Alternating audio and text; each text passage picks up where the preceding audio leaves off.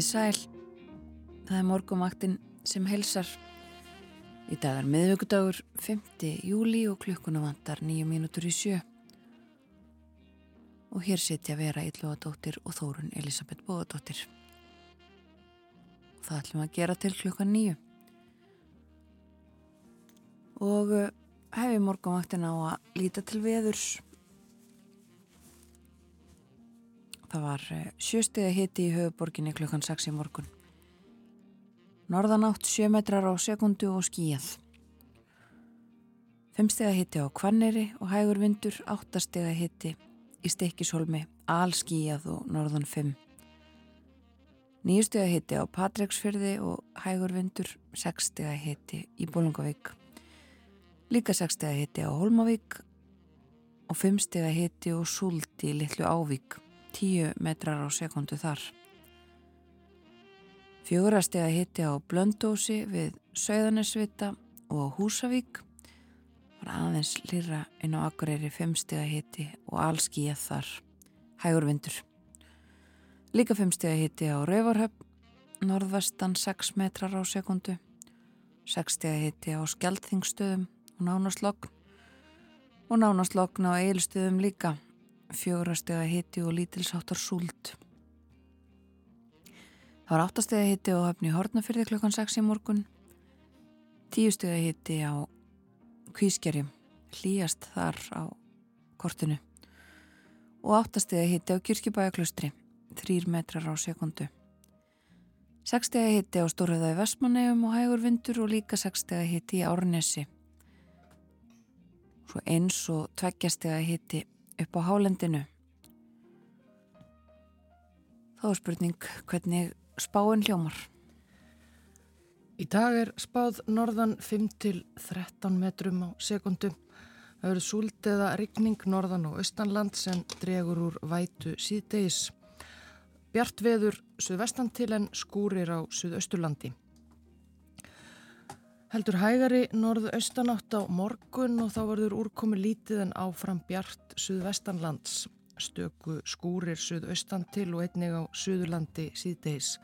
Hiti 6 til 17 stig hlýjast sunnan heiða. Þetta var spáum fyrir daginn í dag og morgundaginn. Við getum litið, litið áfram inn í kortin á förstu dag. Er spáð norðaustan 5 til 13 bjart með köplum en skíjað austan til og hitin breytist lítið áfram um 6 til 17 stig. Um helgina á lögadag og sunnudag er svo spáð austlægri átt skíjað með köplum og smá væta suðaustanlands en úrkomur lítið á sunnudag. Hiti viða 15 til 20 stig yfir daginn. Svo hljóðar helgarspáin allavegana þegar hér er komið sögum. Og uh, líka auðvitað verið að fylgjast með skjáltaverkni á viðstofinni. Yfir þúsund skjáltar við Fagradalsfjall síðan í gær og að við miklar jarðfræringar í nótt, segir uh, í frétt á VF Rúf. Hugrún Hannesdóttir Diego verið á vaktinni í nótt og uh, stærsti skjálti næturinnar 3,5 að stærð. Stöðug jarðskjáltavirkni og fylgst grænt með stöðumála og uh, það verður fundað klukka nýju til að fara yfir frekari gögn. Vísindamenn viðurstofunar og Háskóla Íslands muni funda með almanna örnum og uh, segir að það megi búast við áframhaldandi jæraskjálta virkni næstu daga og fólki er aðlægt að ferðast ekki um á svæðinu þarna í kring. Landris hófst þarna við Fagradalsfjall í apríl. Og við erum við öllu búin segir Elisabeth Pálsdóttir hjá Þauðstof Íslands. Náttúru vár sérfræðingur meira af þessu á eftir. En það er ímislegt um að vera á morgunvaktin í dag. Til maður ræðum frönsk málefni og dönsk. Og svo förum við út í game en eh, byrjum á að hlusta á tónlist. Leikum líka eitthvað af henni í dag. Þetta er tónlistamöðurinn Teitur Magnússon.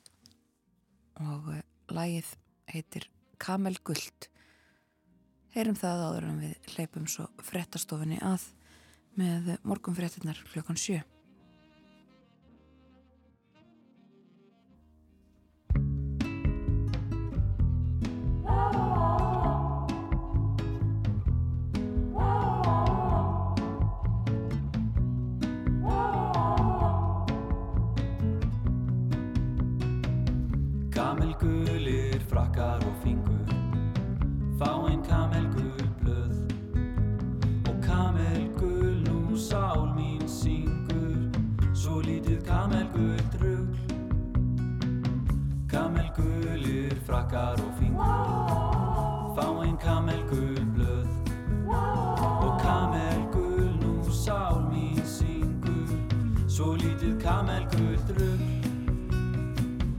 Kamelgulir, frakkar og fingur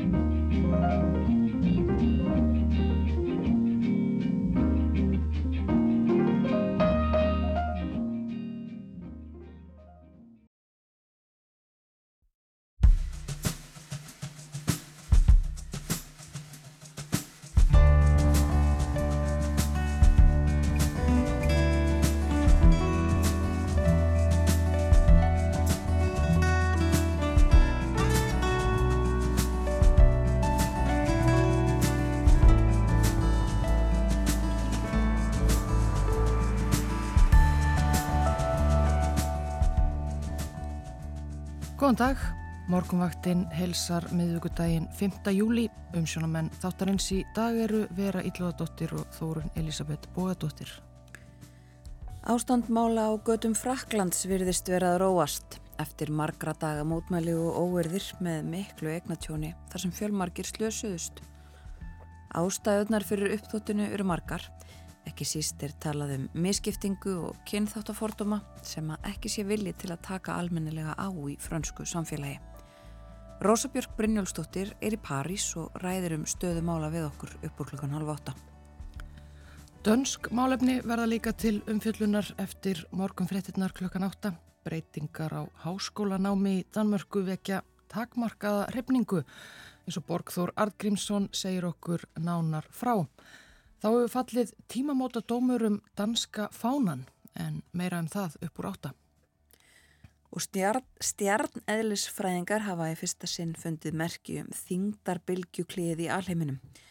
Talið er að þingdarbylgjurnar eiga mestu rætur að rekja til samruna eða árekstra rísa svartóla í miðju vetrabrauta. Þetta var í síðustu viku en það var ekki það eina merkilega sem gerðist í stjartvísinda heiminum. Sigriður Kristjánsdóttir formaður stjórnuskoðunafélags Seldenanas verður með okkur í síðasta hluta þáttarins og ræðir um alls konar stjarnvísinda mál. Svo spilum við einhverja tónlist og uh, skoðum líka og uh, fylgjumst með fréttum segjum ykkur frá því sem að hæst ber og uh, við skulum nefna veðrið líka það er ákveðin norðanátt í dag með regningu eða suld norðan og austanlands en dregur úr vætu síðdeis bjart með köplum og þurftað mestu um landið suðvestanvert Hitti 6-16 stig mildast á Suðurlandi. Á morgun hægari norðaustanátt og úrkomulítið en stökuskúrir suðaustan til. Heldur hlínandi á morgun. Og hitti breytist svo lítið á förstu dag og eh, á lögadag og sunnudag um helgina. Austlæg átt skíða með köplum og smá væta suðaustanlands en úrkomulítið á sunnudag og hitti víða 15 til 20 stig yfir daginn og áfram svipaður hiti á mánudag og þriðudag. En uh, svo er það annað hjá veðurstofunni heldur en veðrið og það eru jarðfræringarnar. Það um, hófst skjálta hreina í Faradalsfjalli í gær uh, um klukkan fjögur í gær og uh, yfir þúsund skjáltar hafa mælst síðan þá Eh, stærstu skjáltarnir finnast á höfuborgarsvæðinu, segir viðstofan og búast má við áframhaldandi skjáltavirkni í dag. Það verður fundað eh, klukka nýju vegna þessara hreinu sem er farin af stað. Sterkasti jæraskjálti næturinnar var 3,5 að stærð eh, skömmu eftir klukkan fjögur í nótt. Minnstakosti átta skjáltar verið yfir þremur og eh, Vísindamenn, veðurstofunar og Háskóla Íslands munu funda með almannavörnum klukkan nýju eftir tæpa tvo klukkutíma. Og fólki er aðalegt að ferðast ekki um á þessu svæði uh, vegna hættu á grjótröni. Og uh, rætt við Elisabethu Pálsdóttur, náttúruvár sérfræðing í frétt okkar hér á Rúf og uh, hún segir engan gós óru að hafa mælst Útskýringin er líklega svo að kvika er á reyfingu og þarna sé innskot að myndast. Þetta sáum við fyrir síðustu gós. En svo sé það spurning hvort að kvikan nái upp á yfirborð eða hvort hún haldi sér ofan í skorpunni. Áframverði vel fylst með þessu. Og það er líka sagt frá því að við viðstofunar að það urðu tveir jarðskjöldar í bárðarbungu öskunni um klukkan 20 í gerkvöldi svo fyrri 3,3 og svo setni 3,9 að stærð. En það er ekki ofinnulegt að skjáltar af þessari stærðargráðu mælist í bárðarbungu, segir í þessum upplýsingum frá viðstofunni.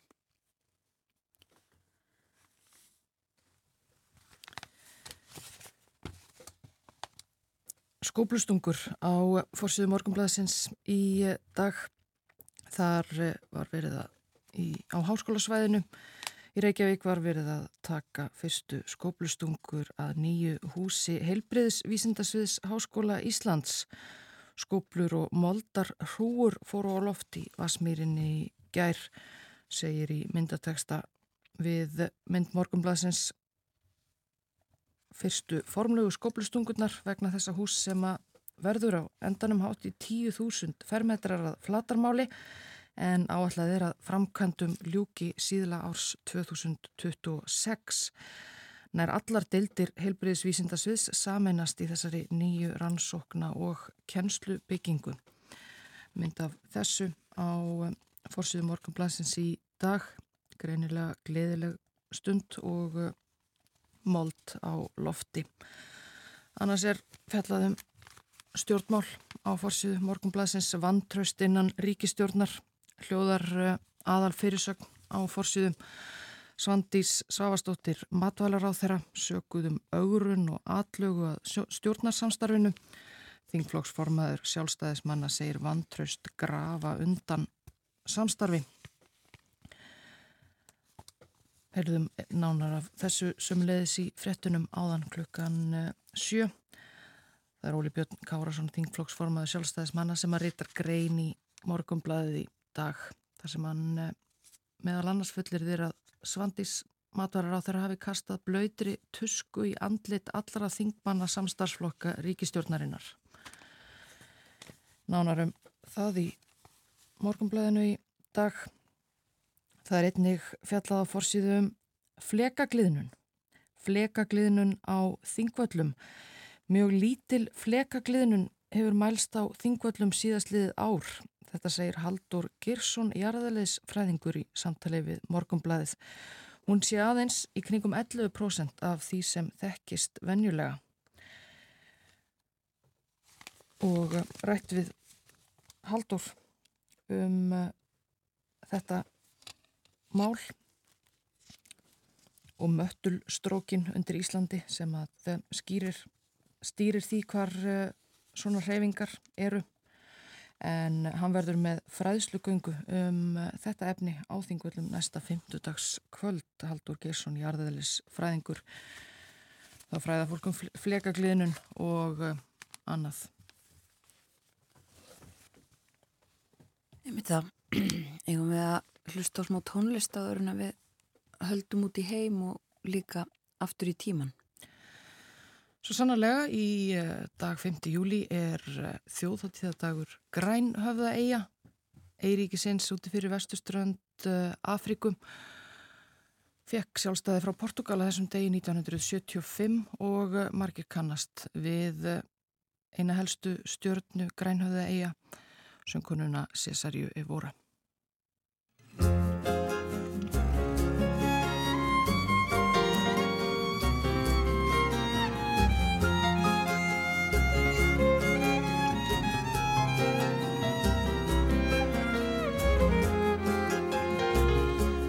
Um braçava, um beijão, um chorar. Fiz onde é que botava nem modo quem vou perder. Oh, que medo, oh, que susto.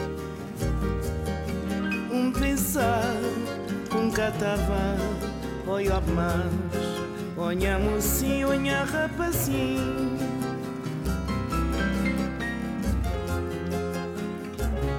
Bo abraçar, bo beijar, bo apertar, bo chorar, me também um chorar. Nos lágrimas juntar na dor, na alegria, na emoção.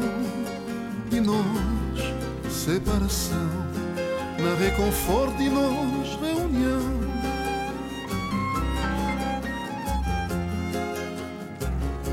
Braço, um beijão, um apertava, um chorar. Fiz onde que botava? Nenhuma quem vou perder. Oh que medo, oh que susto. Um pensar, um catava Olha mais, olha mocinho, olha rapazinho Bo abraçar, bo beijar Bo apertar, bo chorar e também um chorar Nós lágrimas juntar Na dor, na alegria Na emoção. E nós, separação Na reconforto e nós, reunião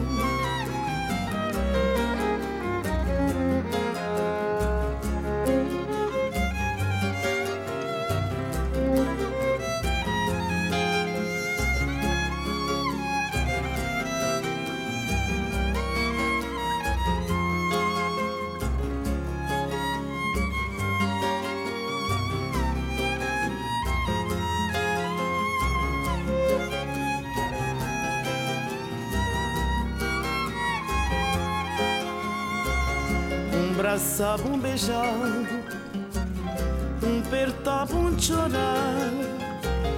Fiz onde é que voltava, minha moto quem vou perder. Oh, que medo, oh, que susto. Um pensar, um catava, oi, oh, mas, olha mocinho, olha rapazinho. Oh mamãe, mofnesa causava pena. Mas bom amor maternal e bom carinho. Bem envolver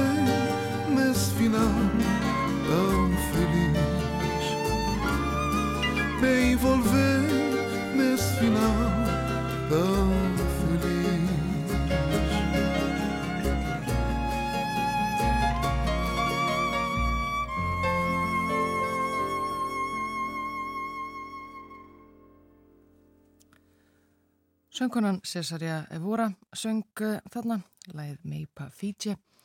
Spilum þetta í tilöfni þjóðhuttiðdags heimalandsennar grænhöðæja. og uh, skoðum íslenskar frettir á en við leikum þetta lag förum aðeins út í heim líka og uh, getum byrjað á fórsöðum í Bretlandi það er sagt frá því að bresk stjórnvöld búið sér nú undir að um, hætta við uh, gríðar mikla áður bóðaða uh, fjárfestingu í loftslags og náttúruverndar málum hafði verið sagt að það erði uh, 11,6 miljörðum punta varið í slík áform. Um, um heiminn og nú hefur Guardian blaðið fengið upplýsingar og séð uh, minnisblöð um það að það eigi að, uh, eigi að, að hætta við þetta og ástæðunar sagðar meðal annars um, stuðningur við Úkrænu sem að hafi verið og sé áfram kostnæðasamur og ímislegt fleira. Þetta hefði til þess að ná þessu markmiði fyrir árið 2026 hefur við reiknað út að það hefði þurft að verja sem sagt 83% af öllu uh, þróunar aðstóðar fjármagni í uh, svona loftslags sjóð og það hefði um, og myndi því það að það væri ekki rými og plás fyrir aðra, aðra hluti eins og stöðningin við Úkrænu og fleira fjallaðum þetta fórsíðuna á, á Guardian hefur líka fjallað um í breskum fjölmjölum eins og uh, fleiri fjölmjölum að svona í halvpartin tengslum við það að uh, það hafi verið metslegið á mánudag. Síðasti mánudagur var heitasti dagur uh, frá upphafi mælinga. Meðal hitin á heimsvísu fór þá upp fyrir 17 gráður mæltist 17,01 gráða og fór fram úr metinu sem áður var sleið í ágúst 2016 þá mæltist meðal hitin á jörðinni 16,92 gráður. Og farið yfir það að, að hitabilgjur geysi víða um heim til að mynda í Kína þar sem að uh, hitin hefur verið yfir 35 gráðum í lengri tíma sömstaðar í söður hluta bandaríkjana hefur verið öfgakent veður og, og mjög heitt síðustu vikur. Í norður Afríku hefur hitin nálgast 50 gráður og sagt frá því að í Sáti Arabíu hafi verið greint frá því að þúsundir um, á hverju meinasta degi um, fá einhvers konar svona hitatengt enkenni um, solstingi eða eitthvað alvarlegra. Og þar hefur fjöldi fólks látist einhverjir að minnstakosti í tengslum við hitan og jafnvel á Suðursköldslandinu þar sem að nú er vetur hafa mælst háar hitatölur. Og haft eftir vísindamönnum að þetta með sé því meður líklega bara það fyrsta af mörgum sem verði slegin á þessu ári. Hafið þarna sitt að segja að El Niño veður fyrir barið sé komið af stað og uh, áframhaldandi kólefnis útblástur og uh, loftslags, uh, gróður húsaloftegundir. Þetta sé döðadómur fyrir fólk og vistkerfi, svona lagað. En af fleiri fréttum þá nefnum við það að í, við nefndum það hérna á mánudagsmorgun að það er verið að fjalla um og taka fyrir uh, snjálfsímanótkun í danska blæðinu Politíkan þessa dagana. Var á fórsíðun á mánudag og svo aftur nú í dag uh, og sagt frá því í dag á fórsíðunni að einn af hverjum fjórum fullornum dönum uh, skoði símansinn um, á nóttunni, vakni á nóttunni og skoði símansinn og skemmi þar með söfnin og þetta hafi neikvæðar afleiðingar fyrir he heilsu fólks. Mikið eh, verða að tala, taka á, á og tala um alls konar hliðar eh, snjátt síman notkunar í politíkan. Í Svíþjóð má nefna það að eh, það er fjallað um stjórnmálinn á fórsíðun á dagans nýheter fjallað um það og sagt í fyrirsögn að þetta sé um, örlegarík vika fyrir sænska sænsku ríkistjórnina sem sé framöndan um, og um, Úlf Kristersson fórsetisráð þeirra er á leið til fundar við Joe Biden bandaríkja fórseta og uh, þetta er allt saman í tengslum við umsókn svíja um aðeldað allarsvansbandalæginu vonast hefur verið til þess að, að hægt verið að ganga frá því fyrir eða á þessum leðtóafundi NATO í næstu viku. Og uh, þeir alltaf hittast í kvításinu og ræða þessi mál. Þetta er svona stuðningsyfirlýsing Bidens segir í erlendum fjölmjölum um, bandarækjumenn íti á að svíjum verði hliftin en uh, Tyrkir Erdogan fórseti hefur uh, streyst á mótu því og, og neitað enn að hægt verða að ganga frá þessu.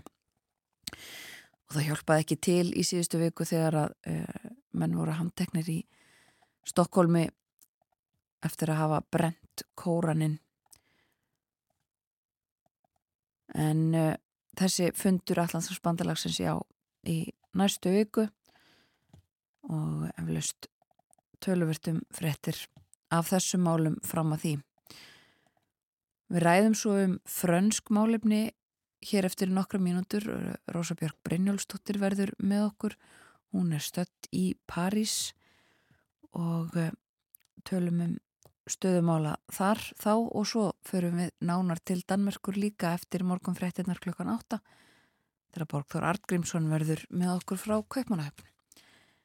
En eh, eigum við að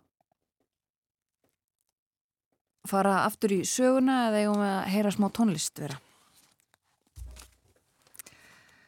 Skulum glukka örlítið í sögubækurnar á þessum degi fyrir 90 árum, 5. júli 1933, þá flugu 24 ítalskar flugvelar úr ítalska flughernum 8 flug yfir Reykjavík. Þessar velar voru undir stjórn Ítalo Balbo sem var flugmaður, flugmála ráþara Ítalíu raunar og annálaður fasisti og þær voru á flugi yfir Allandshafið, allarleið frá Róm og stemdu á Chicago, komu við í Reykjavík eftir að hafa flogið hingað frá Derry og þetta var á tíma þegar flug yfir hafið þótti hann talsvert afreg og vakti mikla aðtikli hér á landi þegar að flugvél, sást til flugvélana. Í frétt morgumblansins eh, daginn eftir er það orðað þannig. Undir eins og fyrstu fregnir komu um það að ítalatnir væru lagðir á stað. Bárust þær eins og eldur í sinu um allan bæin. Fólk vildi fá að vita hvernig þeim gengi á leiðinni og símaði stanslust til morgumblansins til þess að leita upplýsinga. En miklar upplýsingar var ekki hægt að gefa því að hljótt varum flugmennina fyrst í stað. Síðan bárust frettir af því að sérstöði til flugvelana í vestmannegjum og þá æstust leikar í Reykjavík. Þegar fregning kom um þetta hingað til Reykjavíkur þóttust menn vita að flugvelarna væri vonhingað á hverri stundu, hópaðist fólk þá upp á all húsþök í bænum þar sem hægt var að komast og nokkur vonað sjá til flugvelarna en öll skip í höfninni hafðu skreitt sig viðhafnar fánum og á flestar flagstengur í bænum voru fánar dregnir. En inn í vatnagarða var stöðugur fólkströymur og söpnuðust þar saman þúsundir manna. Flugvelarnar komu loksins. Það sáust þrjár flugvilar á lofti í stefnu á Landagóttskirkju, brátt heyrðust flugdrunutnar í lofti og áður en varði svifu fyrstu flugvilarnar yfir vatnagarða norður yfir viðei, sveimuðu um nokkrar mínútur uns þær settust austan við viðei og rendu sér inn á Klepsvíkina. Nú komu fleiri, drönurnar í loftinu jökust, á fá mínútum voru þær komnar tíu og eftir skamastund voru þær átján komnar. Allar svifu þær nokkrar mínútur yfir sundunum, uns þær settust, allar settust þær á sveipuðum stað, því vindur var all kvass af suðvestri og eruð þær að hafa sömu stefnu er þær settust. Og þarna var þeim tekið af á, miklum áhorvenda fjölda Áhorvendafjöldin beigð alla stund meðan þetta fór fram á hæðunum umhverjus vatnagarða. Og þá voru þarna vitanlega allir bladamenn sem hér eru, bæði aðkomumenn og heimamenn og myndatökumenn margir sem letu sér andum að taka sem flestar myndir. Ítaladnir fóru svo frá borði og hafðu hér stutta viðdvöl en heldur síðan áfram ferðsynni til Chicago og gekk það alltaf óskum. En af Leðtónum Ítalo Balbó að segja er það að hann varð ekki löngu eftir þetta allansás flugsitt skipaður landstjóri Ítala í nýlendu þeirra Líbíu. Og þar var hann enn þegar sittni heimstyrjöldin brast út og þá var hann skotin niður yfir tóbrúk í Líbíu ekki af óvinninum heldur af sínum eigin, sínum eigin mönnum sem að heldu hann einhvern annan. Lest 1940 Ítalo Balbó sem að flög hér sem frætt var.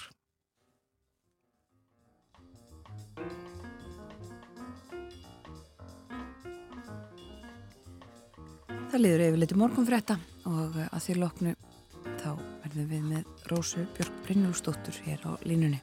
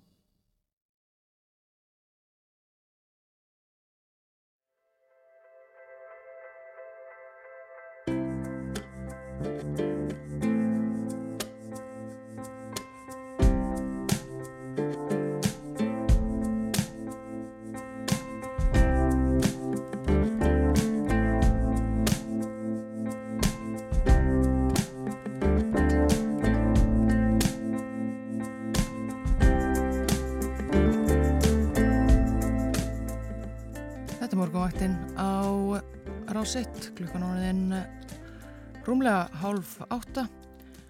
Heyrðum af jarðfræringum í fréttaeflitinu sem, sem að var að ljúka og við vorum að finna jarðskjálta hér inn í hljóðstofu 6 í erstaleitinu Já, hann lítur að hafa verið uh, svona með þeim öblur í þessari hreinu sem að hóst í gær.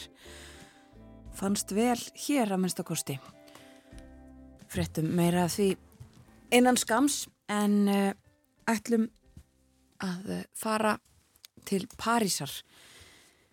Í Fraklandi hefur verið uh, annars konar órói, óerðir mótmæli í Róma viku, um, fjallað svo litið um og sagt frá í, í frettum og hér á morgunvaktinni þessu um, aðdraðan, ástæðu þess að til þessara mótmæla kom um, þessi ungi drengur 17 ára gammal sem var skotin til bana af lauruglu hann var stoppaður um, í bíl og uh, við ætlum að ræða um uh, síðustu vikuna, um, ástæðunar, uh, afleðingarnar og uh, með okkur er Rósa Björk Brynjálfsdóttir fyrverandi þingmaður og íbúi í París. Hún er í París. Góðan dag Rósa Björk. Góðan dag. Um, hvernig er andrumsloftið í París núna? Andrúsloftið í París nú á sjötta degi frá því að þessi hræðilegi atbyrðu varð er orðið mun rólegra heldur en búið að vera og almennt séð þá er, þá er rólegt yfir öllu og mun rólegra kannski heldur en fréttaflutningur og myndi gefa til kynna. Já. En eins og þú myndist á það náttúrulega 5. daginn 29. júni þá gerist þessi hræðilegi atbyrður að að 17 ára drengur var skotin í, og hann var í bíl með öðrum 17 ára dreng og, og einum 14 ára og var skotin í rauninu af umferðarlauruglu sem var við, við reglulegt eftirlit og uh, sáhörmulegi atbyrður hefur orðið til þessara óerða sem að hafa nú staðið yfir í sex daga. Mm -hmm. en, en á sjötta degi eins og í daga þá, þá er svona allt, allt svona með kjörum. kjörum. Já og eins og segir það, það á við uh, víðar um Frakland, það, þetta hefur auðvitað verið ekki bara í Paris heldur út um allt eiginlega. Nei, þetta hefur, þetta breyttist mjög fljótt uh, til annar borga og stá sérstaklega til Marseille í Suðu Fraklandi. Þar hafa verið mikil mótmæli en líka sem er leiðist til Lille í norðri og, og til annara borga. En mest það hefur, hefur hafa þessi mótmæli og, og óerðir verið hér í norðaustur hluta Parísar. Uh, Þessi, þessi atbyrður átti þessi stað í, í bæ sem heitir Nanterre sem er í norðaustur austur hluta við París eða norðaustan af París. Og uh, þar í norðaustur hluta útkverfanum norðaustan af París þar hafa verið svona mestu mótmálun óverðirna en líka aðeins náttúrulega komið inn í borgina og í aðra hluta eh, við borgina til dæmis í suðaustur hlutanum þar var var fyrir þremur dögun síðan að þá var mótumælandi sem kerði inn í, í garð og að húsi hverfistjóra þar og uh, þar slasaðist eiginkona hverfistjórans og, og, hérna, og, og dóttir. Og það í raun og veru var til þess að, að það eru greiðlega mikil andumæli svona gegn þessari, þessari óáran, eins og við getum kallað þetta. Já, um, sko höfum við skýringar á því hvers vegna þetta svona öldurnar fóra að læja á yfirborðinu að minnstakosti?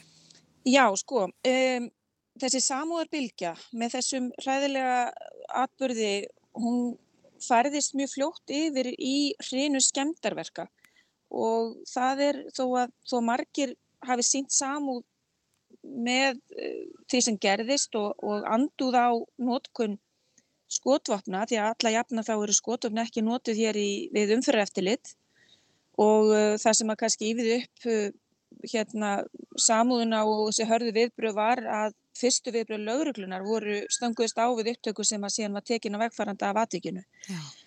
En uh, samúðabilgjan færist mjög fljótt yfir í það að, að hér var þrina skemdarverka og það í raun og veru kannski var eitthvað sem að svona almennt séð fólk tengd ekki við og hafði ekki áhuga á því að, að tengjast, tengjast eh, svona sterkum böndum og það eru svona tölur á reiki um kostnæðin af þeim, þessum skendarverkum það er mjög reiki en hafa, það verður verið tölur nefndur halv upp í miljard evra eða um 158 miljardar íslenskra króna.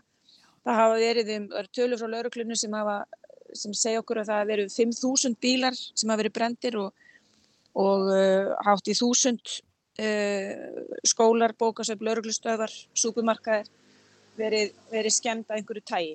Uh, viðbröðin, þetta minnir allt svolítið á og það verið riðjað upp hér í Fraklandi, minnir allt svolítið á mótmæli sem að urðu hér 2005 þegar að 17 og 15 ára drengur voru drefnir á lauruglunni og það var til þess að það urðu þryggja vegna mjög hörð mótmæli. Þetta voru drengir í útkverju Parísar og voru af uh, marakoskum upprunnaði minni rétt og að olli mikill umræðu og, mjög hörðum viðbröðum. En það sem er öðruvísi heldur en þá að, viðbröð yfirvalda núna eru mjög öðruvísi heldur en þá. 2005 var Nikola nokkur Sarkozy innanríkisráð þeirra, var síðan fórseti Fraklands Eh, hann lísti þá yfir að þessir ungu drengi þá hefði verið þjóður og, og hérna lauruglun hefði bara verið að gera allt rétt. En nú þá voru fyrstu viðbröðs fórseta Fraklands, Emmanuel Macron og fórsetisar á þeirra, Elisabeth Born, voru að lýsa mikill samú með fjölskyldu drengsins og uh, svona hvetja til stillingar og, og hérna og, og svona það voru allt öðruvísi viðbröð. Já. Það sem við gerst líka frá 2005 er að kjölfærið á því, því öllu saman þá var sett af stað mikið átak til þess að ebla og styrkja e, útkverfin auðvitað á eiga rætur þessara mótmála líka sér í kjærfislægum kynþáttafordómum innan lauruglunar og svona þessari vantröst, þessi vantrösti á milli íbúa útkverfa og lauruglunar í Fraklandi en e, að samaskapi að þá eru, finnum að það líka núna, það er mjög mikið um að íbúar útkverfa eru mjög ósátt við hvernig þau eru teiknuð upp og segist þú bara að vera vinnandi fólk og borga sína skatta og vilja hafa bara frið og ró í kringu sitt, sín, sín hverfi og það, hefa, það hafa verið miklu fjármunum eh, veitt í það að byggja upp útkverfi Parísa borgar og draga svona úr þessum gríðarlega mikla mismun sem að var hér um áratuga skeið. Já. En það sem vekur líka aðtíkli núna er að, að mótumælendur eða þau sem er að taka þátt í þessum skemdarverkum að það eru gríðarlega und, und, und fólk og að mestuleiti drengir og þetta eru allt niður í sko 12 og 13 ára guðlbönn. Það verið 300 handteknir vegna þessara skemdaverka og svona langflestur hluti seg, segir lauruglan að, að sé af aldrinu 14-15 ára en, en það hafi gerst að 12-13 ára guðlbjörn hafi verið, verið e, tekin höndum af lauruglunni og þá ættalega færði hendur bara nefnvalda. En, eh, en innanríkisráð þeirra og fórsetin e, fyrir nokkru dögum voru með ákveðlega stert ákall til foreldra um það að foreldra þyrtu að, að hérna, passi búið börnin sín og halda þeim heima og venda þau og, og hérna, passi búið þau væri ekki taka þátt í skemmtirverkum. Þannig að það er svona öðruvísi, þetta er allt saman svolítið öðruvísi heldur en var hér 2005. Já, en enga síður einmitt eins og segir, það hefur verið svona dregin upp þessi samanburður og, og svona rætt um þetta að þetta eigi sér uh, rætur í þessari misskiptingu og kynþáttafordómum. Um, og einhverstaðar allavega hef ég séð svona umfjallanir um það að, að það sé uh, eitthvað sem að frakkar hafi ekki tekið nægilega vel utanum og, og, eða kannski vilji ekki, vilji ekki tala um og vilji ekki uh, taka utanum. Hva, hvað segir e, þú um það? Já, það er eins og ég sagði, sko, það hefur verið um, um ára byl að þá hefur verið þessi kerfislægi kynþátt að þessi kerfislægi kynþátt að fordamur sem að hafa fyrirfinnst í innan lauruglunar mm. uh, á sama svo segja, segja aðrir að, að, lauruglan hér sé bæði undirmönnuð og undir fjármögnuð og, og launin séu ekki nógu há uh, og mentun það verið dreyji úr mentun lauruglumanna þannig að sé, lauruglumann sé oft við, við erfiðar aðstæður og við mjög taugatrekkjandi aðstæður og uh, vanti oft upp á kannski mentun og reynsli til, til að takast á við það. Mm. En vissulega er grunnurinn þarna ójabretti, ójöfnur og misskipting fólk sem að býr í útkvarum það eru, eru ódýrar á húsnæði þannig að það er oft fólk með minna, minn, læri tekjur sem að býr í útkvarum en það sem að kannski líka er e, svona, nú erum við að þessu segja á sjötta degi og það er, það er svona e, umræðin um ástæður þessa er, er svona verða sterkari og yfirsterkari og hún snýst mjög mikið um mentun og halda, halda krökkum í skóla og hvernig mentakerfið stíð getur stíð inn í þessar aðstæður. Og það er líka svolítið öðrum tóka heldur um varðið 2005. Það er eiginlega, ef maður súmur er þetta svolítið upp á 2005 þá voru mjög harkaleg viðbröðuð valda. E, þá voru þessir ungu strákar drefnir e, þegar verið var að bróta brauð í upphafi Ramadan hátíðars e, þeirra sem eru íslamtrúar.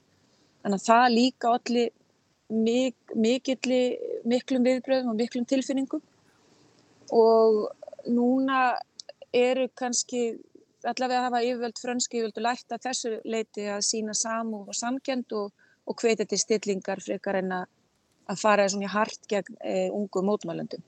En það er líka verið að velta líka mikið hversu, hvers vegna þessi ungi aldur, aldur þeirra sem er að stunda skemmtarverk. Það eru dæmið það að ungir að hópar skipulæra skemmtarvarka séu að brjótast inn í McDonalds staði og til þess eins að sko stela ís. Já. Þannig að þetta eru svona öðrun toga heldur en kannski þau mótmæli sem við verðum að sjá. Síðan getur við líka aðeins veldi líka fyrir okkur, það hefur líka verið gert hér í fransku fjölmjölum að það er náttúrulega búið að vera mikil spenna hér í Fraklandi í vetur og veturum byrjaði byrjaðurinn á því að yfirvöld og fórsendi þar fremstur flokki hvati til þess að fólk myndi spara og, og spara við sig orkukostnað og orkunótkun og, og svona það voru allir mjög stressar fyrir því að, verð myndi hækka og, og orkukostnar er þið hár. Verðbólka hefur náttúrulega ekki verið hærri í Fraklandi í 40 ár og hún er um 5% eh, og er, er, hefur kannski verið að sína einhver merkit að vera á niðurleið.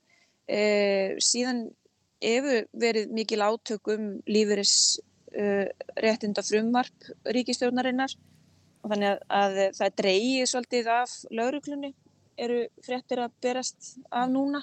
Hefur, er þreytt eftir hennar vetur og lauruglumenn og svona það er búið að vera mikil spenna líka í loftunni í vetur í Fraklandi Já. og þetta er náttúrulega ekki fyrstu mótmæli sem að Emmanuel Macron stendur fram með fyrir, við munum líka eftir gulvestungur sem að einmitt voru mjög aggressífir hér 2018 og 19 eh, og þá munum við líka eftir myndum og, og skemtaverkum á Champs-Élysées og í Parísaborg hálfu gulvestunga.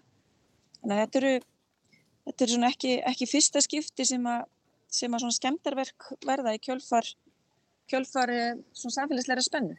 Nei, og einmitt, uh, við höfum rætt þetta áður, eftirleina frumarpið og stöðuna, gerðum það einhvern tíman í vetur og erfiðu vetur á baki, um, en sko Macron, þú sagðir það áðan einmitt að, að það hefði verið allt öðruvísi viðbröð stjórnvalda núna heldur en þarna árið 2005, en hvað...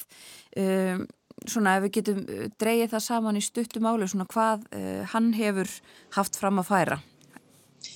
Hann í raun og veru uh, hefur hvað til stillingar, hann hefur farið á staði sem að hafa verið skemmtir, hann hefur sínt stöðning, hann hefur sínt lögreglunni stöðning, uh, það var eins og svona kannski gaggrinn það líka að hann hafi sínt lögreglunu ómikinn stuðning í, í staðin fyrir að, að sína kannski sig á vettvangi í, í þessum, þessum útkverfum.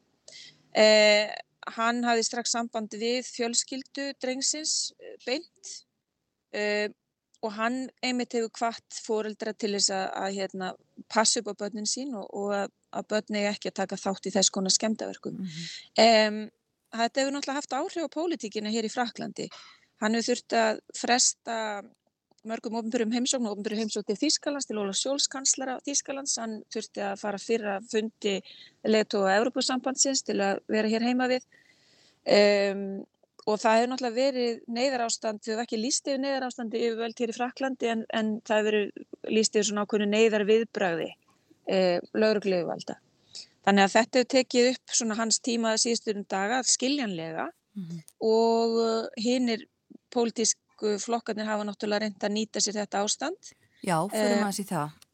E, þar hefur verið kannski fremst í flokki e, ekki Marín Le Pen en e, þar hafa kannski verið svona þeir sem hafa, eru, eru já, nálagt Erik Samúr þau eitthvað sem muna eftir því þá var Erik Samúr sig fram til fórseta Fraklands mm -hmm. í síðustu fórsetakostningum og er öfgahægri maður sem hefur margótt verið dæmdur fyrir umælisín gagvart uh, fólki af erlendum uppruna og ekki bara fólki af erlendum uppruna heldur líka gagvart gefingum og múslimur enda líka.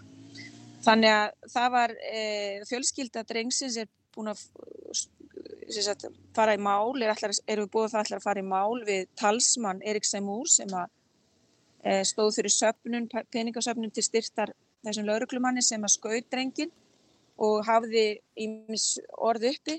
Og það er náttúrulega ótakt með öllu að fjölskylda sem er að sirkja ungan dreng fyrir að vera að standa í sóliðskakvart kakvart hérna pólitíkusum en, en, eh, en síðan hafa svona hægri flokkarnir við erum mjög kannski látið sig, haft sér meira frammi en aðri stjórnaraðstöðu flokkar og krafist þess að það veri komið á, á skipulega skikki á hlutina. Og þar hefur líka Marilu Penn verið líka elda í raun og veru þessa, þessa, þessa svona aðstofamenn Eriksson Múr, hún vil náttúrulega ekki eiga, láta þá eiga eina sviðið og hefur náttúrulega verið að fordama og tengja þetta við innflytjendur og, og, og, og hérna allt sé ómulett sem að kemur raun og veru þeim við en, en gaggrindu Marilu Penn hafa nú verið að benda á að þarna er ekki um að ræða innflytjendur, þetta er fólk sem hefur fæðst og hefur búið hér í Frakland allar sína tíð mm -hmm. eh, sem að umræðir Þannig að þetta náttúrulega var svona kannski svolítið fyrirsjánlegt að myndi fara í þennan farveg því miður að, að hérna pólitíki myndi nýta sér þetta og í neitt. En og þarna kannski hefur manni þótt öru lítið áhugavert að, að hægri flokkurinn, gamli sem var hér stór og er ekki stór lengur en er, er lítill, þar hefur formaður þess flokks, hann, hann hefur haft sér mikið fram í sjótti og, og svona reyndar að stela þessari, þessu ástandi og fært, til að færa sér inn í þetta. En það hefur svona kannski ekki náð ykkur miklu flugi, það sem að náðu kannski mest flugi var þegar þessi, eh, hvað segja, þessi svona árás og heimili hverfistjóran sem var gerða þá var, fór, fór af stað svona samúðar ganga kjörina fulltrúa sem mynda það að kjörni fulltrúa væri kjörnir af almenningi og þeir ættu ekki að vera skotmörku skemdamarka.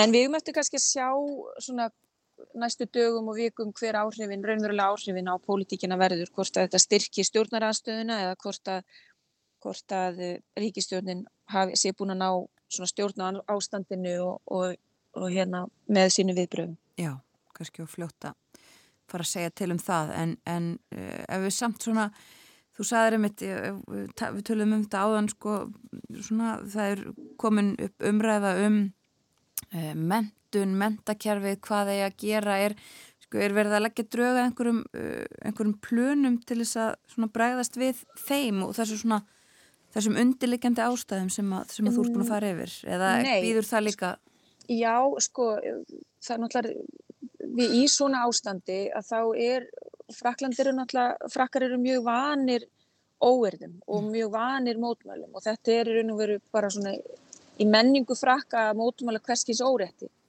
E, þannig að, að laurugluðvöld eru líka vön því að þurfa að klíma við mótmælandur og, og óerðasekki. Um, og það er líka innan yfirvalda og lauruglunar að þá, eru, þá er mikið verið að rannsaka sko, hverjir raun og veru eru að taka þátt í mótumælum eða í þessum skemdar, skemdaverkum. Já. Og mér sýnist á allir að fjölmjölum í dag að þá er raun og veru sé verið að stíga þessi fyrstu skrefi því að, að, að, að greina þessa hópa og þar að leiðandi síðan hvernig megi ná til þeirra. Og það er mikil að það er umræða að fara að staðum það hvernig hægt sé að ná til þessa ungu ungu batna, ekki, þetta eru, eru, eru, eru einstaklingur undir loðaldri og eru börn. Og hvers vegna e, þau telja þessi í lægi að eidilegja og, og, hérna, og fremja skemdarverk á, á skólum og lauruglustöðum og súpermörkuðum og, og svo framvegis, hversuna svona ungir krakkar e, telli það að vera réttlætinlegt og það er mikið áhugjefni sem að maður sér hér í fjölmjölum að fólk eru að hafa miklar áhugjur af og nefnir þá til söguna að mentakerfið þurfi einhvern veginn að koma til móts við, við þetta. Já. Og ég held að það veri svona næstu skref, það sem hefur verið verið svona vakið mesta aðtíkli er hversu ungir þessir krakkar eru sem eru að taka þátt í þessum skemdaverkum. Já. Og það er raun og verið bara lauröglun hefur líst yfir að það sé mjög fáir yfir 30 sem er að taka, því, taka, taka þátt í þessum skemdaverkum. Og það er áhugjefni. Akkurat. En svo segir þetta eftir að koma svona nánar í ljós á næstu uh, vikum og mánuðum. Takk kærlega fyrir að vera með okkur frá París þennan morgunin Rósa Björk Brynjólfsdóttir. Hvað er heim? Og hvað er til Parísar? Við ætlum að heyra lag. Það er söngunan Sass og lagið Paris sera toujours Paris. Paris sera toujours Paris La plus belle ville du monde, malgré l'obscurité profonde. son éclat ne peut être assombri. Paris sera toujours pareil. Plus on réduit son éclairage, plus on va briller son courage, sa bonne humeur et son esprit. Paris sera toujours pareil. Pour qu'à ce bruit, chacun s'entraîne. On peut la nuit jouer de la sirène et nous contraindre à faire le zouave en pyjama dans notre cave. On aura beau par des ukases, nous couper le veau et même le jazz, nous imposer le masque à gaz, des mots croisés à quatre cases, nous obliger dans nos demeures à nous coucher tous à 11 heures. Paris sera toujours Paris, la plus belle ville du monde, malgré l'obscurité profonde. Son éclat ne peut être assombri. Ah, il sera toujours Paris. Plus on réduit son éclairage, plus on voit briller son courage, sa bonne humeur et son esprit. Paris sera toujours Paris.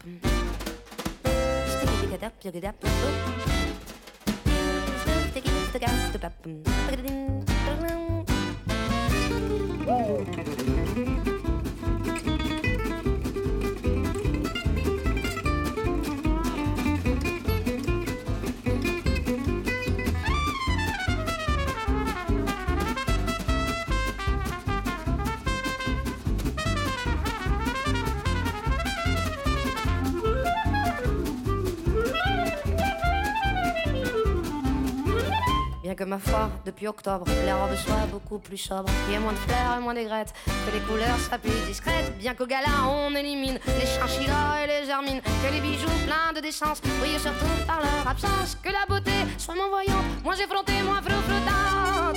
Paris sera toujours Paris, la plus belle fille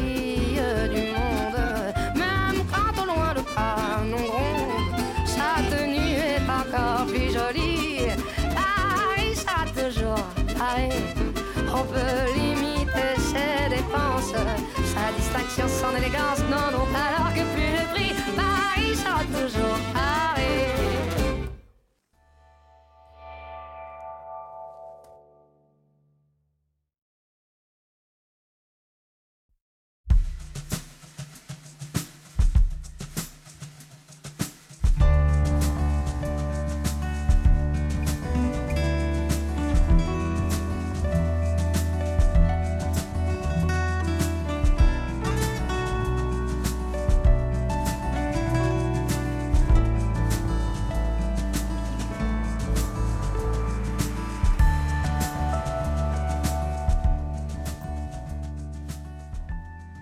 Sæl aftur, þeir eru að hlusta morgunvaktina á rás 1.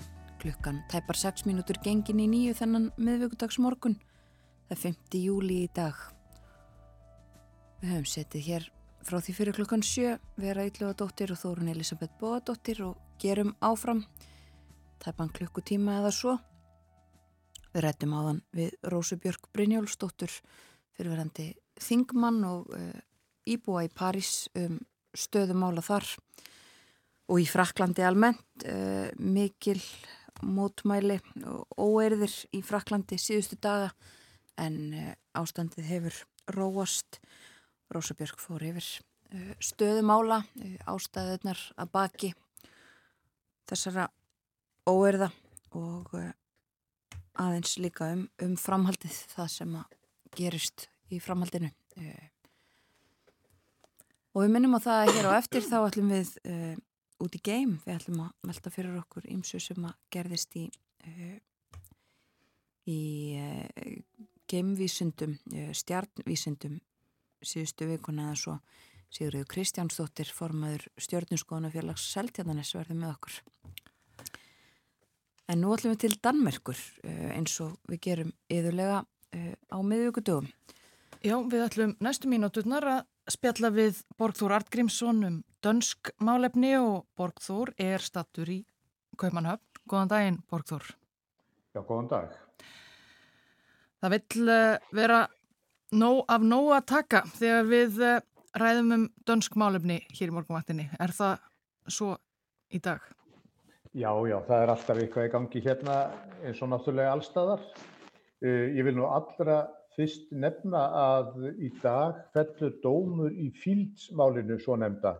Það var 3. júli í fyrra sem að 23 ára maður myrti þrjá í Vestlunarmiðstöðinni Fílds og særði sjö. Og þetta mál var mikið í frettum og líka þarna heima náttúrulega. Og uh, hann sem sagt, það fellur dómur í máli hans í dag, það er engin spurning að hann uh, mun fá mjög þungan dóm. Og spurningin er mest um það hvort hann verði vistaður á lokari réttar getild eins og það er kallað eða á harðlega lokari réttar getild. Ég kann nú ekki svo sem útskýra munin á þessu tvennu en, en þetta sem sagt gerist í dag klukkan þrjú að dönskum tíma. Svo má nú líka nefna að nú þurfa Danir ekki lengur að velta vöngum yfir því hvort að Mette Fredriksen farið til Brussel því það er búið að ákveða svo verði ekki, Stoltenberg verður áfram. En svo langar mér nú að nefna breytingar á námi í háskólum og en um þær hefur náðst samkomulega meiri hluta á danska þinginu, Folketinget og þetta eru mjög mikla breytingar. Samkomulega í þýðir að 30% alls kandidatsnáms, þetta sem við kallum gert að mistaranám, það breytist. 10% af þessum 30% á að styrta, kannski niður í eitt ári stæð fyrir tvö, en 20% af þessum 30% eiga að breytast í svona einhvers konar starfsnám, þar sem að fólk uh, uh, lærir og vinnur á úti samtímis. Og þetta mælist nú misjaflega fyrir Esper Salomonsen, sem er talsmaður samstarfsráðs háskólana, hann hefur miklar áhyggjur af því að þetta verði til þess að svona kandidatsnámið eða mistaranámið það verði svona þynt út og, og möguleiki nefnda til þess að svona sökva sér djúft í efnið hann hverfi og þegar þeir eiga að fara að skrifa spesialið eins og það er kallað eða sem sagt loka ríkgerina og þetta sem sagt þetta er ekki, ekki hún, hún líst ekki vel á þetta En uh, hefur ráð þeirra uh, mentamála og þingmenn tjáð sig um hversi tilgangurinn með þessum breytingum? Nei, þeir hafa ekki beilinist tjáð sig mikið um tilgangin. Það hefur verið talsveitt rætt um það hér á undanförnum árum að nöðsynlegt sé að fá ungt fólk fyrr inn á vinnumarkaðin og allir þetta sé nú ekki þáttur í því. En þetta eru ekki einu breytingarna sem að þingmenn hafa samþygt varðandi, varðandi háskólana flokkarnir eru sammálum það að árið 2025 þá verði 2700 færri sem byrja á, á uh, grunnnámi í háskóla miða við í dag. Árið 2020 byrjuðu um það byrj 35.000 í háskólanámi og í fyrra og hittir fyrra voru nýnumannir fleiri en ég hef nú ekki þær tölur en þarna sem sagt á að fækka verulega. Sko tilgangurum með þessu er líka að hvetja fleiri ungmenni til að fara í annars konar nám, yðnám af ýmsu tægi, kennaranám og hjúgrunafræði og fleira. Og talsmaður háskólanema hefur efasemtur um að þetta virki, svona eins og stjórnmálamenninni segja, þetta geti einfallega orðið til þess að ferri fari í framhalsnám að stúdentsprófi loknu. Já, ég mitt það. En uh, hefur eitthvað komið fram um það hvaða námskreinar í háskólanum verði fyrir valinu þegar þessar breytingar taka svo gildi? Nei, það hefur nefnilega ekki komið neitt fram um það. Stjórnmálamenninni segja að það verði í höndum stjórnenda og nefndaráðs einstaklega skóla að ákveða hvaða greinar verði fyrir valinu. Talsmaður nefnda segir fráleitt að kasta þessi fangið á einstökum skólum þegar verður að taka ákvarðanir af þessu tægi þá hljóti að þurfa að liggja fyrir raukstýningur en það virðist ekki vera í þessu tilvíki. Þannig að það, þetta verður áhugavert að sjá frekar af þessu en uh, það er vantarlega mikið um ferðarfólk í Kaupmannhöfn það sem að þú ert eins og venjulega á þessum ástíma. Já, það er mjög margt ferðarfólk hérna og fjöldin að verða sá sami og árið 2019 fyrir COVID. COVID hafði mikil áhrif hér ekki sísta starfsemi Kastrup flugvallarins sem er nú enn að súpa segðið af þeim erfileikum. Ryanair er mjög stór viðskiptavinnur hér á Kastrup og nú vil stjórn flugfélagsins fá nýjan samning. Það standa núna þessa dagana yfir viðræður milli Kastrup og viðskiptavinna flugvallarins. Núverandi samningur er frá 2017. Kastrup hefur mikla þörf fyrir aukna tekjur en Ryanair vill lægri göld. Eddie Wilson, eitt framkvæmdastjóra félagsins, greindi frá þess á frettamannafundi hér í Kaupanöfni síðustu viku.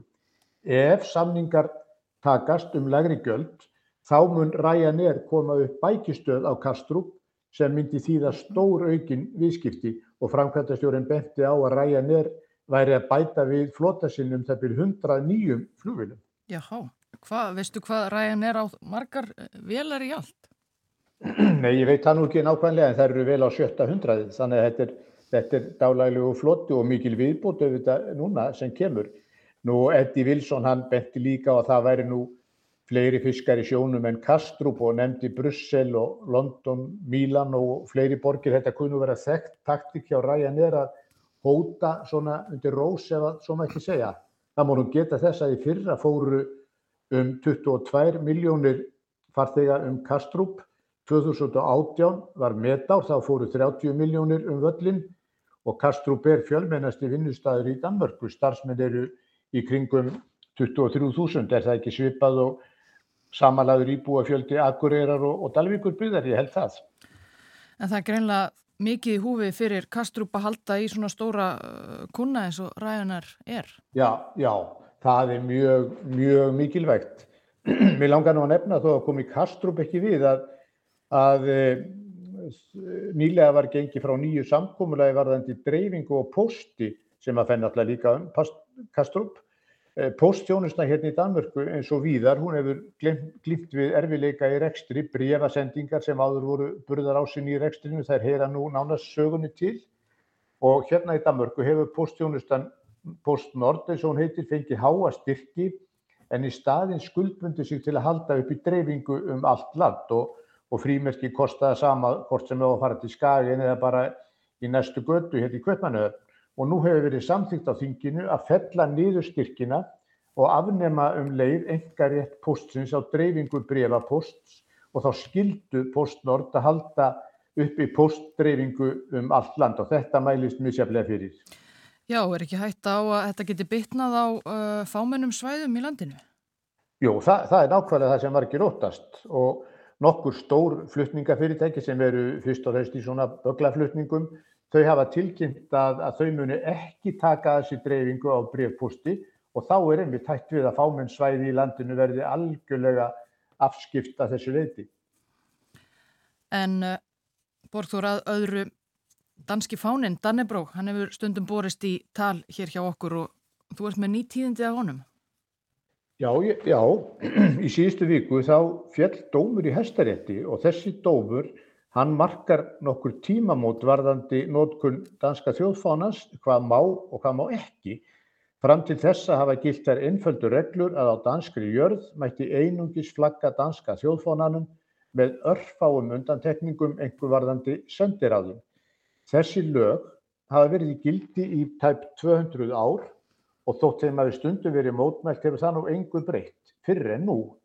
Forsaðan er svo að í apríl árið 2018 dró maður nokkur í smábæ á Jótlandi bandariska fánan að hún. Þessi gjörð mannsins fór fyrir dómstóla, fyrst bæjaréttin í Kolling, lægsta dómstýgir, sem síknaði mannin af ákærunni.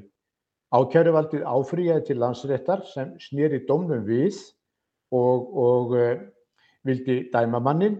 Þaðan fór svo máli til hæstaréttar sem síknaði mannin sem nú getur með leiði aðsta dómstóls þessa lands flaggað sínu Stars and Stripes eða hvaða nú er og það virðir sem hver sem er geti nú flaggað hvaða þjóðfóna sem er sem er gríðarlega breyting frá því sem verið hefur því að það hefur verið mjög stramt þetta með að það mættu yngir aðri fánar sjást hér á lofti en sá danski.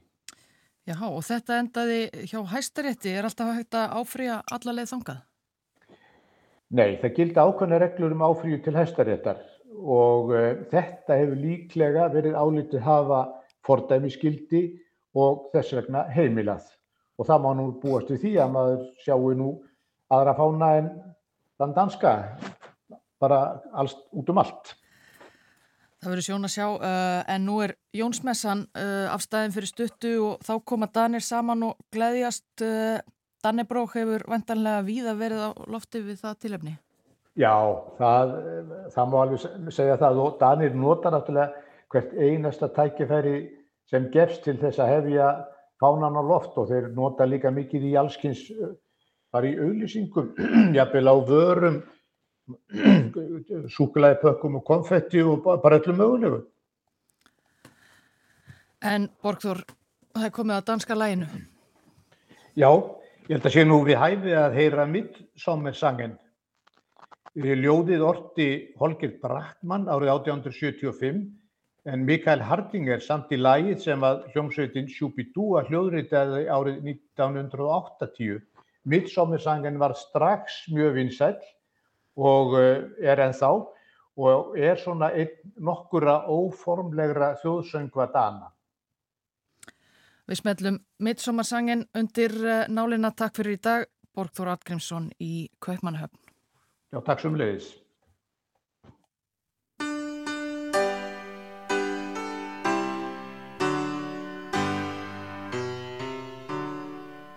Vi elsker når den sinede jul tænder stjernen i træet med glans i hvert øje. Når om våren vær fuld over mark under strand, lader stemmen til hilsene triller sig bøje. Vi synger din lov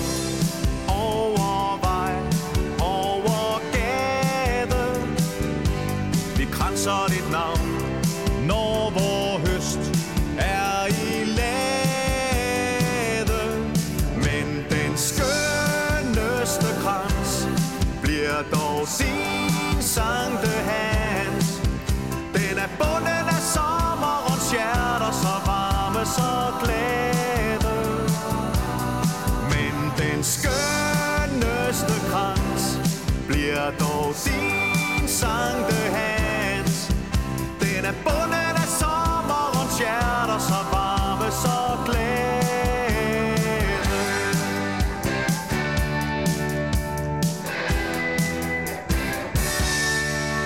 Vi elsker vort land, men ved midsommer mest. Når hver sky over marken velsignelsen ser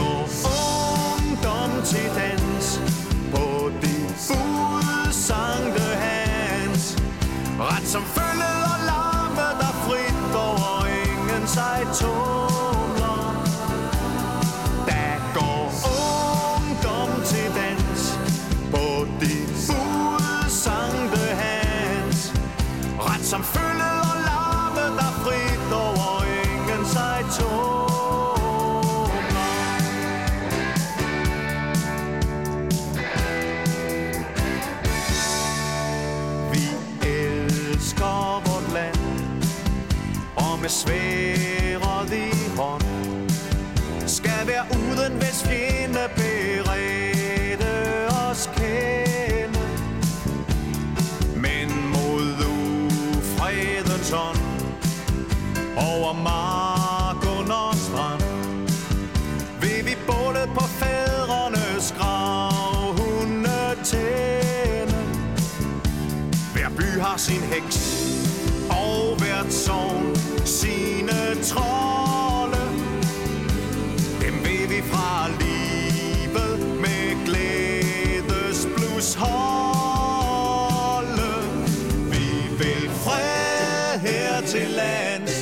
Santo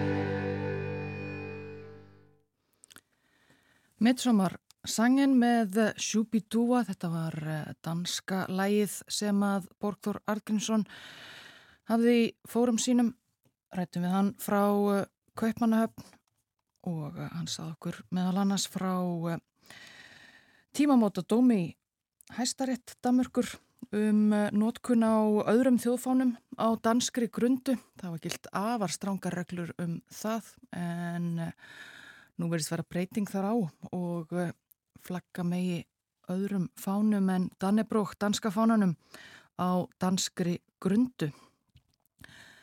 Borþór Argrímsson fór yfir ímislegt dansk málefni eins og hann gerir venju samkvæmt annan hvern miðugudag hér hjá okkur.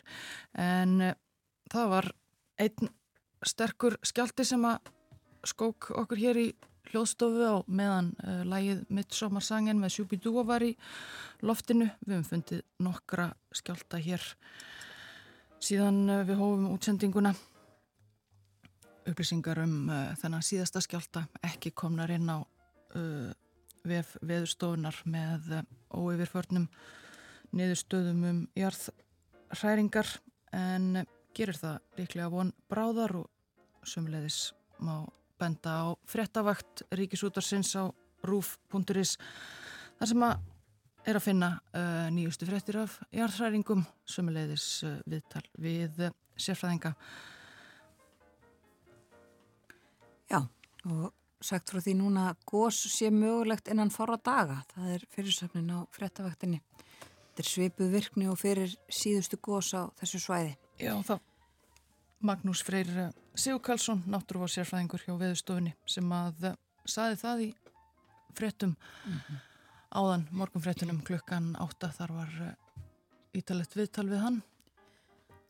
Og við erum kannski meira uh, núna í fretta yfirleitinu sem er næst á dagskrá að því loknu þá verður hér hjá okkur og er að koma, fyr, koma sér fyrir Sigurður Kristjánsdóttir formaður stjórnurskoðunar félags Seltjarnanes við ætlum að tala um uh, stjartvísindi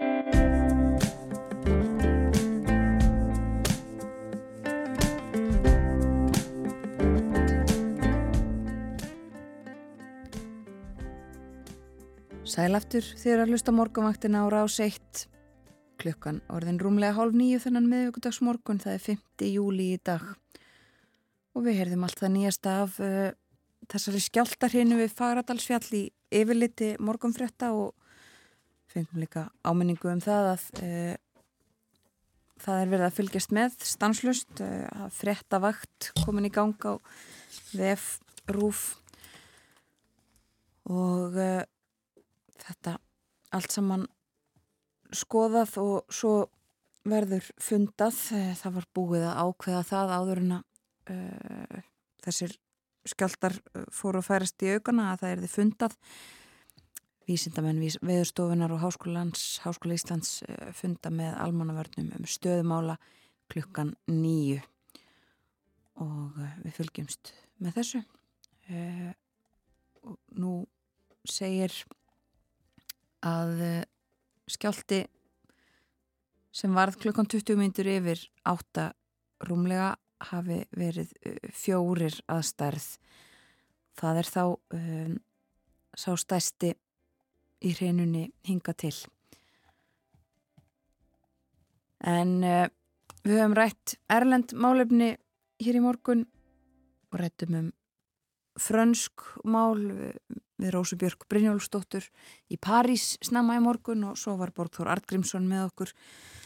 Venju samkvæmt eh, annarkvæmt miðugudag er hann með okkur eh, yðurlega hér í hljóðstofu en eh, nú síðustu skipti í Kaupmannahöfn. Tölum um dansk málefni og eh, nú ætlum við að fara lengra. Við ætlum að fara út í geim. Til okkar er komin eh, Sigriður Kristjánsdóttir, formadur stjórnuskoðunar félags Seltjæðanes. Velkomin á morgunvaktina. Takk fyrir. Þú ert líka eh, og starfar sem náttúruvor sérfræðingur hjá veðustofunni. Það er Passar. væri freistandi að fá þig til þess að fara að ræða jærskeltana en við ætlum að standast á freistingu í þetta skiptið. Ég mun bara að það býða. Já, fáum við kannski ekkert um hann setna til að tala um það og, og svo ertu líka suma frí. Þannig að, en þú ert... Eh, líka formaður stjórnarskoðuna félag Seltetinnes eins og ég nefndi. Og uh, hefur stundum komið til okkar til þess að útskýra fyrir okkur og segja okkur frá merkilegum uh, hlutum og atbyrðum sem að eiga sér stað. Mm -hmm. og uh, það voru nokkur eiginlega svona nokkri hlutir sem að gerðust í, í síðustu viku sem að eru alveg kannski hver og eitt þess verði að, að tala um í, og segja frá Já, eiginlega sko, hvað hefur við langan tíma? Við höfum alveg ágetan tíma nefnilega. Ef við að byrja á þingdarbilgju kliðnum. Já, það voru kannski svona já, stóru fréttinnar í síðustu viku. Það voru byrta niðurstöður úr þessari rannsóknum þingdarbilgju klið og það hefur nú verið búið að svona vísindarmenn hafa sagt að þetta ætti að vera þannig en það hefur ekki tekist að nema þetta. Það er mjög, mjög, mjög, mjög, mjög erfitt að mæla þessa bylgjur. Að þingdarbilgjur eru bylgjur í tímarúminu sjálfu þannig að rúmi sjálft sveigist og tegist skreppur saman þannig að það eru þingdarbilgjur allstaðar í kringum okkur og eru að fara í gegnum okkur þannig að við erum svona að skreppa einhvern veginn saman bara stöðt en þetta er bara svo rosalega, rosalega littlar breytingar. Og það verið gerðið mælingar með annars konar mælum sem voru að mæla mjög uh, svona mjög litlar þingdabilgjur sem eru mjög, mjög háa tíðni. Það er auðveldar að mæla þær. En þessar sem við erum að mæla núna, þær eru með sko öldulengt sem er stærri heldur en bara jörðin, stærri en sólkerfið okkar. Þannig að við bara ekki hægt að nota neitt tæki sem er á jörðinni. Þannig að þá var bara að fara út í geim og það eru notaðar stjörnur sem eru í vetarbreytinu okkar. Þannig að við erum búin að búa til eiginlega sjónauka innan gæsalappa sem eru starfið hálfa vetarbreytinu okkar. Bara það er bara alveg nóg til þess að, já, velta mann um koll. Og það er ákveðnar tegundar stjörnum sem notar sem heita tefstjörnur og tefstjörnur verða til þegar að stjörnur deyja og það er bara tapa öllu sínu efni nema einst inni sittur eftir kjarni sem er búin til úr svona niftindum, það eru niftinda stjörnur, það er mjög þjættar. Þú veist með eina teskið af svona efni á jörðinni þá vegur það yfir 1 miljard tonna, veist, þetta er alveg bara svona já, mjög, mjög þjætt, mjög skrítin fyrirbæri sem voru uppgötuð bara á síðustu öld. Og þessar ákveðnstjörnur þær snúast mjög hratt, bara alveg eins og skauta dansari uh, getur sett hendunar út til þess að hæja á sér. Um leið og hann dregur hendunar saman að þá fyrir hann snúast hraðar. Og það er bara sama með þessar stjórnur það er uh, skreppa allar saman og þá fara það að snúast mjög hratt. Og það er líka mjög stert segulsvið á þeim þannig að það er senda frá sér mjög sterka púlsa og við mælum þessa púlsa og þeir eru reglulegir, mjög reglulegir bara eins og klukkur og þegar við getum fylst með hvernig bara þessi klukka hægis á sér eða hraðar aðans á sér út af því að, að, þessi bylgi sem kemur frá þessum tifstjörnum kemur til okkar fyrir gegnum allan geiminn og geimurinn er að tegjast og skreppa saman út af þessum þingdarbylgjum, þessum þingdarbylgju klið. Og það er búið að mæla, það tók 20 ára að mæla þetta af því að þetta er náttúrulega þessar rosalega löngu öldulengdir þannig að þetta er mjög langur tími sem er líður bara til þess að fá að sjá bylgjuna. Og með því að mæla þessar pínu pínu litlu breytingar þá voru 68 stjórnur sem voru notaðar í, þessum, í þessari rannsókn en það eru fleiri rannsóknir sem eru að fara að stað til þess að mæla þennan klið. Og þessi kliður er bara allt í kringum okkur stöðugt bara svona eins og ómur í, í tónleikasala að tónleikarnir er að byrja. Allir svona einhvern veginn að spjalla saman og hljómsveitina að stilla og æfa sig og, og það er, við erum að veist, reyna að mæla þessa, þennan klið og við höfum bara spá fyrir um hann væri í gangi og hann verður til þegar að reysa svartól eru að saminast í einhver staðir í geimnum í kringum okkur. Og það eru svo rosalega mörg svartól sem eru bara að klessa þennan ákvort annað og saminast að þetta er bara ekki bara einhver einu uppspretta hér og þar heldur er þetta bara allt í kringum okkur. Þess vegna kallum við þetta klið. Já. og þessi risasvartól eru í miðju vetrabrauta þannig að það er í flestum vetrabrautum eða öllum vetrabrautum sem við hefum séð þá eru þessi risasvartól í miðjunni það er líka í okkar sólkerfi. Og þau eru mjög stór þannig að uh, sólun okkar er, er svona mæleining sem við notum í stjórnfræði og það er einn sólarmassi en þessi risasvartól eru kannski miljón til einn miljard sólmassa. Og þannig erum við komið tvö sem eru svona hægt og rólega, þetta tekur kannski nokkur miljón ár að ringsóla í kringum hvert annað. Og það er þessi ringkreyfing með þess að þarf þetta tvent, þess að massa miklu hluti mm. og þessa hreyfingu. Og þá byrjar bara geimurinn, bara rúmið í kringum okkur sjálft að výbra og þetta bara fer að staða út í geiminn og, og er hérna bara að sigla hægt og rólega yfir okkur bara stöðut. Einmitt.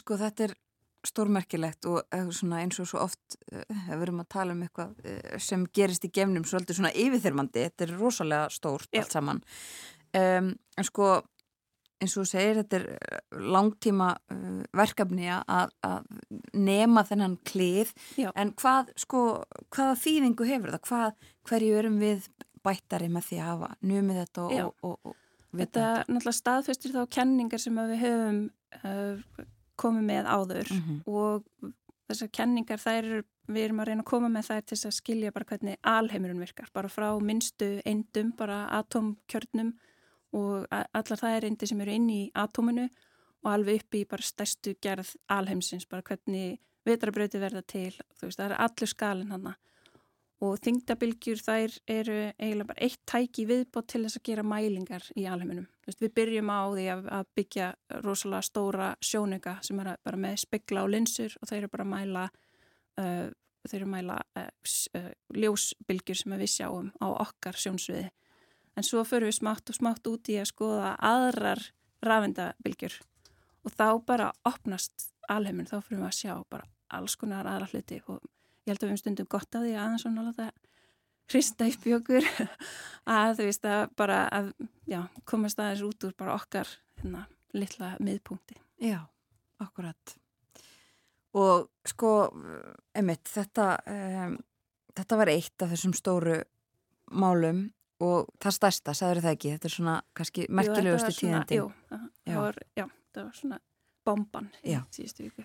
Akkurat, en, en það var sér eitthvað fleira samt sem að um, gerðist, það var líka uh, nýjum gamesjónuka uh, já, sko, skotið á loft. Jú, já, að mitt. Það var uh, F-klíð, uh, Euclid sem heitir eftir uh, stjörnufræðingi, nei, afsaki, starfræðingi sem að vann mikið með rúmfræði og þessi sjóningi hann á að mæla bara skoða eitt þriðja hlutan af heiminkólfinu og þetta er sá hluti heiminkólfin sem við getum séð. Þannig að hann er bara að kortleggja eiginlega allt sem við getum séð á himninum. Uh, og hún var, semst skotið upp á lögadaginn og það hefnast allt rosalega vel.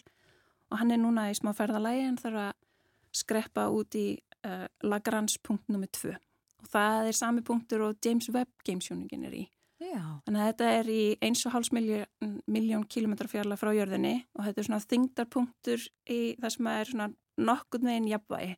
Þannig að mjög gott og sniðugt að senda sjónunga þanga því þá geta þeir svona eiginlega bara nótvært í svona hvernig, uh, hvernig þingdarsviðið er í sólkjöruna. Það er svona bara sigla þarna rólega og þá er líka komni frá jörðinni, komni frá uh, trublunum sem er í kringum jörðina og geta bara mælt hægt og rólega.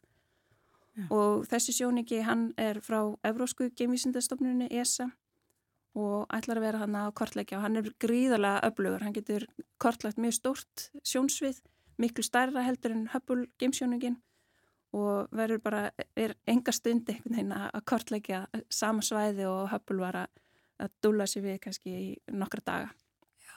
en hann næri ekki alveg sömu nákvæmni því hann horfur ekki alveg lengi en hann ætlar að kortleggja uh, vetrabrautir sem eru allt upp í 10 miljardar fjarlæð frá okkur og því geimurinn virkar þannig að þegar við horfum út í geim þá erum við að horfa aftur í tíman. Þannig við erum að horfa á einhverja stjörnu eins og hún var, ef hún er í þúsund ljósara fjarlæð þá erum við að horfa á hana eins og hún var fyrir þúsund árum. Mm -hmm. Þannig við getum bara að lesi hvernig alheimurinn hefur þróast bara alveg næstu því að upphafi. Þannig að sjóningin alltaf kortleggja hvernig vetrabrautir dreifa sér og þá getum við séð sko, hvernig um, hvernig vetabyrðir hafa þróast uh, og svo aðalega að skoða hvernig hulduefni og huldu orka uh, dreifa sér í alheiminum. Þannig að efni sem að við bara sjáum og þekkjum og erum búin til úr bara veist, borðið og húsið og fjöllin og jörðin og það er svona venjulegt efni, það er bara 5% af efni í alheiminum. Þannig að 27% er þetta huldu efni sem við veitum ekki hvað er en við veitum það er þarna því við sjáum áhrifum frá því Já. að því allt efni hefur þingdakraft og svo huldu orka sem er ekki tengt huldu efni það er bara við veitum þetta heitir dark matter og dark energy því við bara veitum ekki hvað þetta er Já. þannig að við bara kallum þetta huldu efni og huldu orku en huldu orkan er einhvers konar orka í alheiminum sem að veldur því að alheimurinn er að þennjast út þannig að við erum ekki bara að það er ekkit stöðut í alheiminum hann er að þennjast út og þennslan er að vera hraðar og hraðari. Mm. og með því að kortleggja svona stóran hluta af heiminkólfinu og allar þessar veturbröðir að þá getum við lesið bara í hvernig höldöfnu höldorka hefur breyst í gegnum tíman, hvern, hvar það liggur því við sjáum að veturbröðir það raða sér, það er ekki bara svona jafndreiðar í alheiminum, þetta eru raðaðir svona á svona þræði eiginlega sem eru náttúrulega samt, þú veist, risa, risa stórir.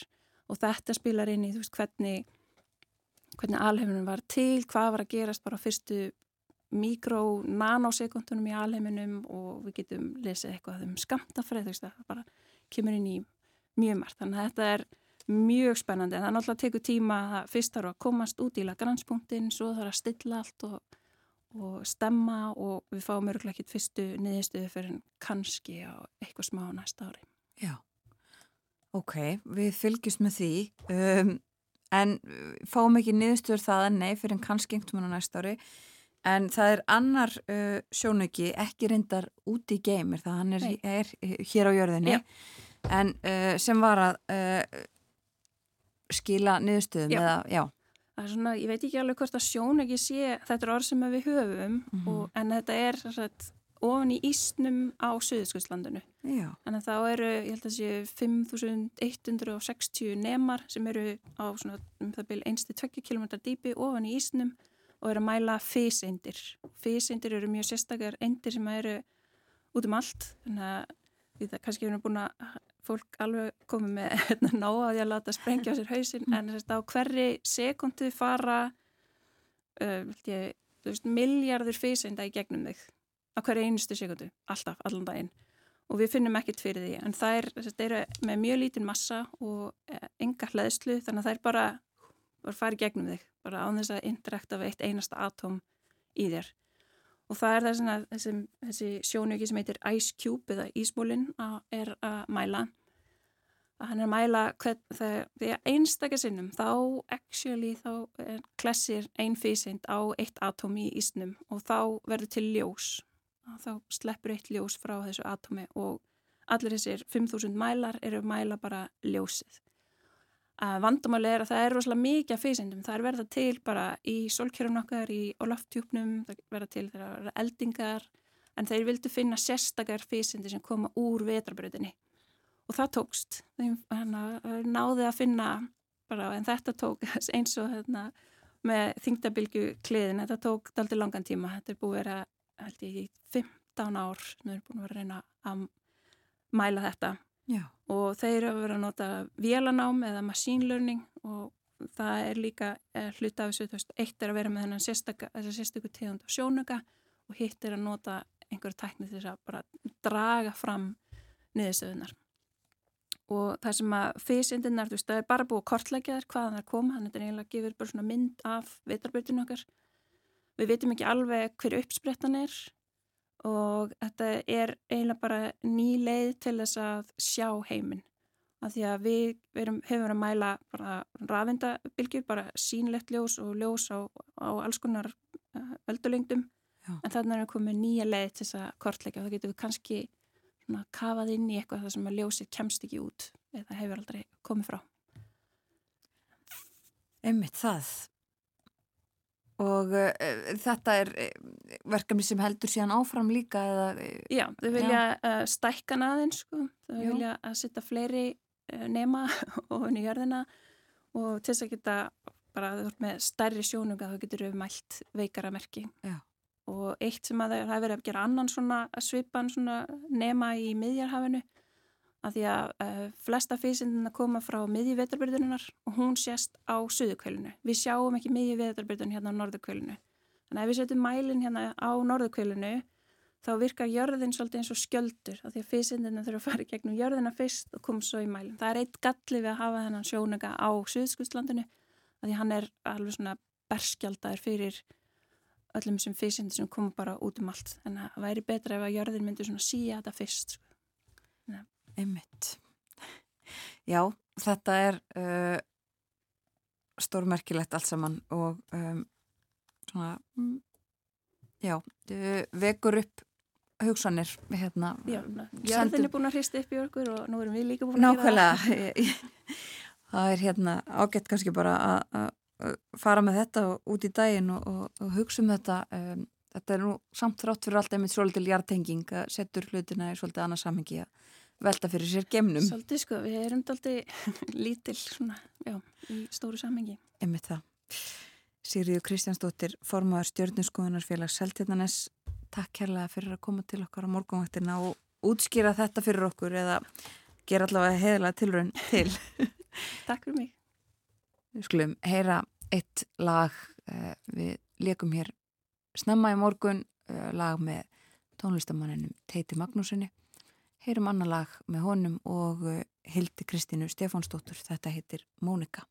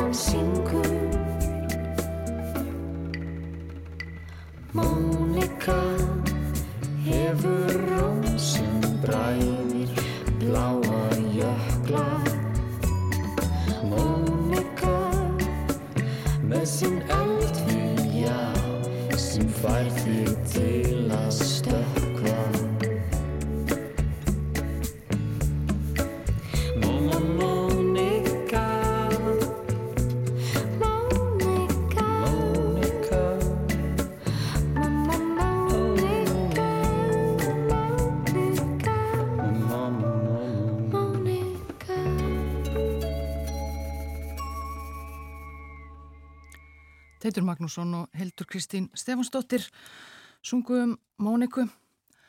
Sigriður Kristjánsdóttir, formaður stjórniskoðunar félags Seltjarnanes er haldin út í daginn. Hún var hér hjá okkur og flutt okkur nýjustu frettir úr gemnum af þingdarbylgu klið fyrst eindum í vetrabrautinni og nýjum gemsjónauka.